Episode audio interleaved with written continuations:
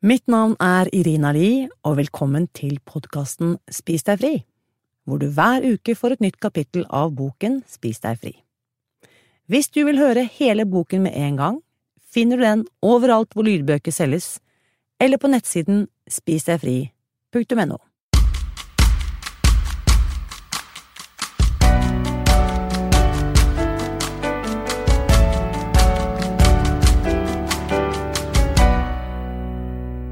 Etterord ved Helle Hagnes, psykologspesialist i rus- og avhengighetsproblematikk. En enkel og fleksibel metode.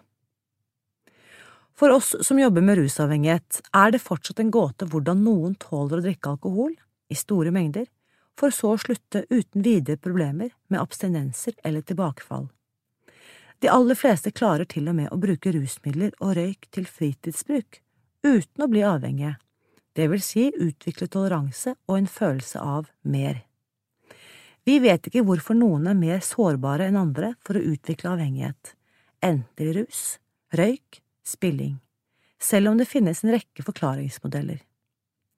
Susan Pearce Thompson er modig når hun argumenterer for at overvekt skyldes avhengighet til sukker og mel. Hun forklarer enkle mekanismer rundt utviklingen av denne type avhengighet, avmystifiserer den samtidig som hun ikke slipper mysteriet av syne på hvorfor noen av oss er mer mottagelige for å bli avhengige. Veien inn i en mel- og sukkeravhengighet har flere årsaker og innebærer prosesser fra samfunnsnivå og helt ned til nevrotransmittorer i hjernen. Thomsen beskriver denne prosessen ved å ta utgangspunkt i hjernen og forklare hvorfor gode råd om kosthold og trening ikke er nok til å bekjempe økende overvekt. Manglende viljestyrke til å omsette gode råd i praksis handler ikke om sviktende moral eller kunnskap.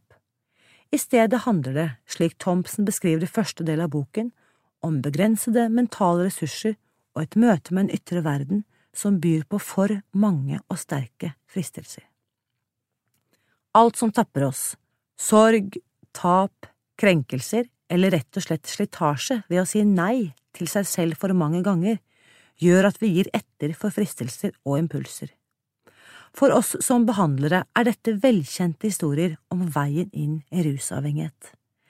Dette neiet er av og til svakt og overprøves av sabotørens evne til å overbevise oss om å si ja til fristelser som alkohol, sigaretter, rusmidler og sukkerholdige matvarer. Psykologien handler om hvordan hjernen vår har utviklet seg over mange millioner år. Denne utviklingen har gitt opphav til flere mer og mindre bevisste mentale prosesser som ikke alltid jobber i takt. Thomsen viser oss hvor krevende det er å endre de mentale prosessene som ønsker å opprettholde status quo. Thomsen beskriver disse prosessene som sabotøren, som ikke bryr seg om hvorvidt du er lykkelig og glad.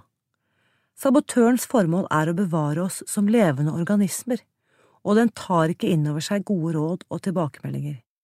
Den kan bare kommandere og overtale.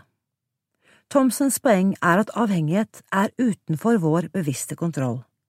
Vi må lure sabotøren og hjernen til å lage en ny status quo for å få til en varig endring i kroppens homeostase. Kampen mot sabotøren kan ikke gjøres alene. Det er vi som jobber med rusavhengighet, helt innforstått med. For å gjennomgå en slik omfattende endringsprosess trenger individet hjelp ikke nødvendigvis av en psykolog, men også nettverk og sosial støtte. Når den avhengige forstår dette, har man større sjanse for å lykkes med å komme seg ut av avhengigheten. Viljestyrke er et sammensatt og komplekst fenomen. Etter ti år i arbeid som psykolog med rus- og avhengighetsproblematikk ser jeg at mange oppegående pasienter fullt ut forstår konsekvenser for helse og relasjoner og økonomi. De har et sterkt ønske om å leve et annerledes liv.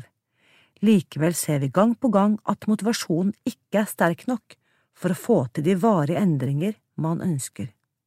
Det er her Thompson formidler det psykologiske aspektet ved avhengighet. Det må ikke bli et for mentalt krevende prosjekt. Det er ressurskrevende å holde kontroll på kalorier, riktige og uriktige matvarer og antall timer i treningsstudio. Thomsens fire enkle regler reduserer belastningen på knappe mentale ressurser. Brightline eating er derfor ikke en ny diett. Jeg vil heller kalle det en prosessorientert metode som ligner på mye av det vi finner i ulike behandlingsformer for rusmiddelavhengighet. Avstand fra stoffet over tid, støtte fra nettverk, etablere nye livsstilsvaner, unngå stimuli og på sikt lære å håndtere triggere på andre måter er kjente komponenter i enhver rusbehandlingsmetode. Brightline Eating forteller deg ikke hva man skal spise, men hvordan du skal spise. Metoden er befriende enkel og fleksibel. Tre måltider med begrensninger på vekt, inntatt i ro og velbehag, ikke sukker og mel. Målet er å bli fri og lykkelig, sier Thomsen. Det er kanskje å love mye, vil noen si. Likevel, pasienter som lykkes med rusbehandling, avstår ikke bare fra alkohol, de får mer overskudd til å skape mening og tilhørighet, og det er jo varig livskvalitet. Beskrivelsen av sukker og mel som avhengighetsskapende stoffer vil nok være kontroversielt i fagmiljøene. Enkelte fagpersoner argumenterer for at sukker er gift og bør forbys. Jeg leser ikke Thomsen dit hen at hun ønsker å kalle sukker og mel for gift, men at vi bør behandle det som et potensielt avhengighetsskapende stoff, på linje med alkohol og sigaretter. I Norge har vi en politikk som sikter seg inn på å gi restriksjoner på tilgjengeligheten til avhengighetsskapende stoffer, nettopp for å beskytte de sårbare individene. Inntil videre har helsemyndighetene anbefalt flere tiltak for å redusere tilgjengeligheten til sukker, blant annet ved å innføre sukkeravgift. Sårbare eller mottagelige individer betaler prisen for at de aller fleste av oss kan ha en relativt høy tilgang til sukker og melholdige varer. Thompson forenkler en komplisert prosess på godt og vondt. Kanskje denne forenklingsprosessen blir for enkel for noen. Hun fremsetter forskning for å understøtte poengene i stedet for å nyansere og tilbakevise. For meg er Thompson en som virkelig ønsker å hjelpe mennesker med et personlig problem. Hun har ikke tid til å komme med nyanseringer og forbehold. Hun vil hjelpe nå. Det er klinikeren som snakker i boken, ikke forskeren. Å gi råd til en overvektig venninne om at det er jo bare å trene, eller slutte å spise boller på vei til jobb, vil i de aller fleste tilfeller være virksomt, men for mange vil det ikke være nok å gi velmenende kostholdsråd. Susan er derfor modig når hun sier at overvekt bør for noen behandles som en sykdom, og ikke bare som et livsstilsproblem. Her fanger Thomsen meg så til de grader som fagperson og som medmenneske. Overvekt krever behandling, uten at det fritar individet for ansvaret for livsstilsvalgene sine. For meg innebærer det som kliniker at man går inn i denne lidelsen med en ydmykhet overfor de menneskene som sliter med overvekt og fedme, uten å moralisere eller fordele skyld, eller overlate jobben til den enkelte. For meg skaper Thomsen en entusiasme og fremtidshåp for at vi kan hjelpe mange, mange flere til et fritt og lykkelig liv. Jeg håper virkelig at Thomsen skaper entusiasme og nysgjerrighet også blant andre fagpersoner og klienter. Nyttige hjelpemidler Du som lytter til denne boken, kan finne disse på nettsiden vår www.spisdegfri.no skråstrek lydbok. Handlingsplan for å tillate seg å være menneskelig. Å lære å leve som lykkelig, slank og fri er en prosess. Det er ikke noen enkel, rett linje frem til suksess. Det er en reise, og enhver reise medfører bratte oppoverbakker, greie nedoverbakker og behagelige, flate strekninger. Det kommer vakre utsiktspunkter og voldsomme uværsdager.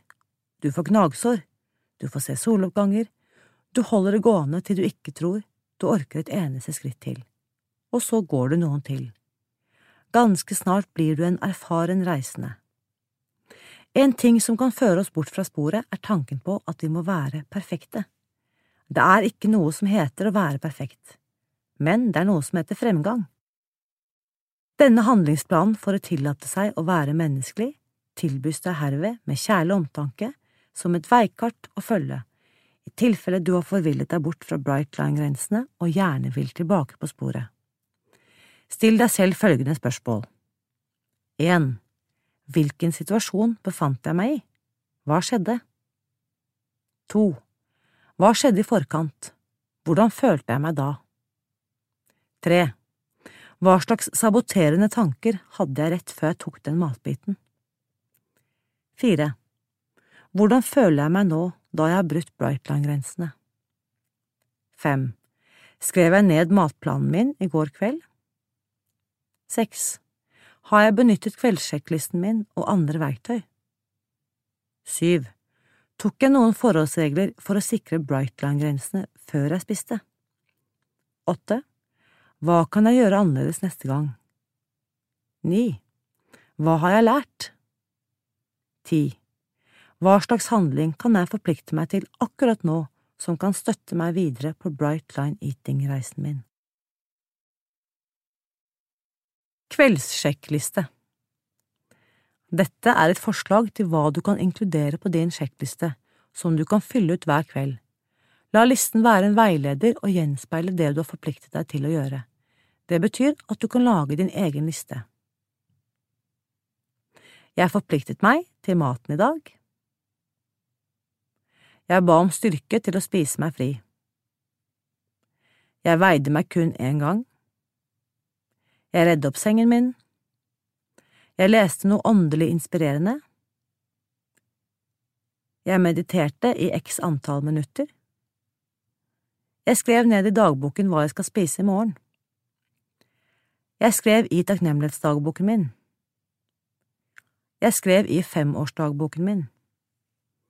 Jeg går til sengs tidsnok til å få syv til åtte timers søvn. Har du noen spørsmål etter dagens episode?